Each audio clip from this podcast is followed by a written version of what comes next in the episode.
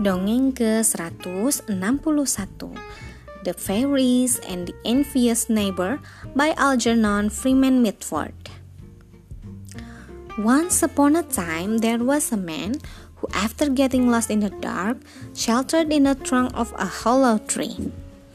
In the middle of the night a large group of fairies appeared and the man peeping out from his hiding place was frightened out to his wits. After a while, the fairies began to eat and drink and sing and dance.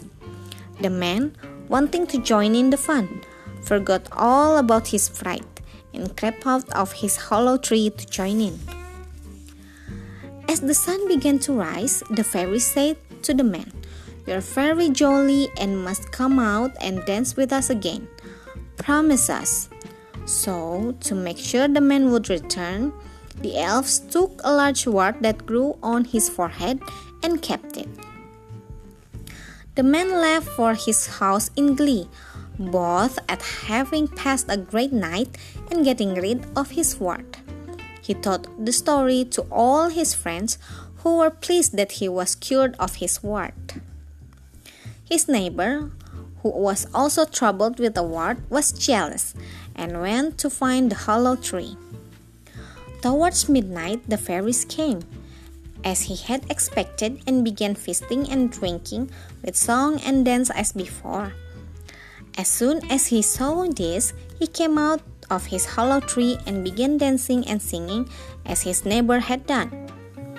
The fairies, thinking he, he was the first man, were delighted to see him and said, You are a good fellow to keep your promise, so we'll give you back your word. With that, one of the fairies pulled the wart off of his pocket and stuck it into the man's forehead, on the top of the other wart that he already had. The envious neighbor went home weeping with two warts instead of one. This is a good lesson. People should be pleased for the good luck of others without wanting it for themselves. Sekian, terima kasih telah mendengarkan. Selamat malam.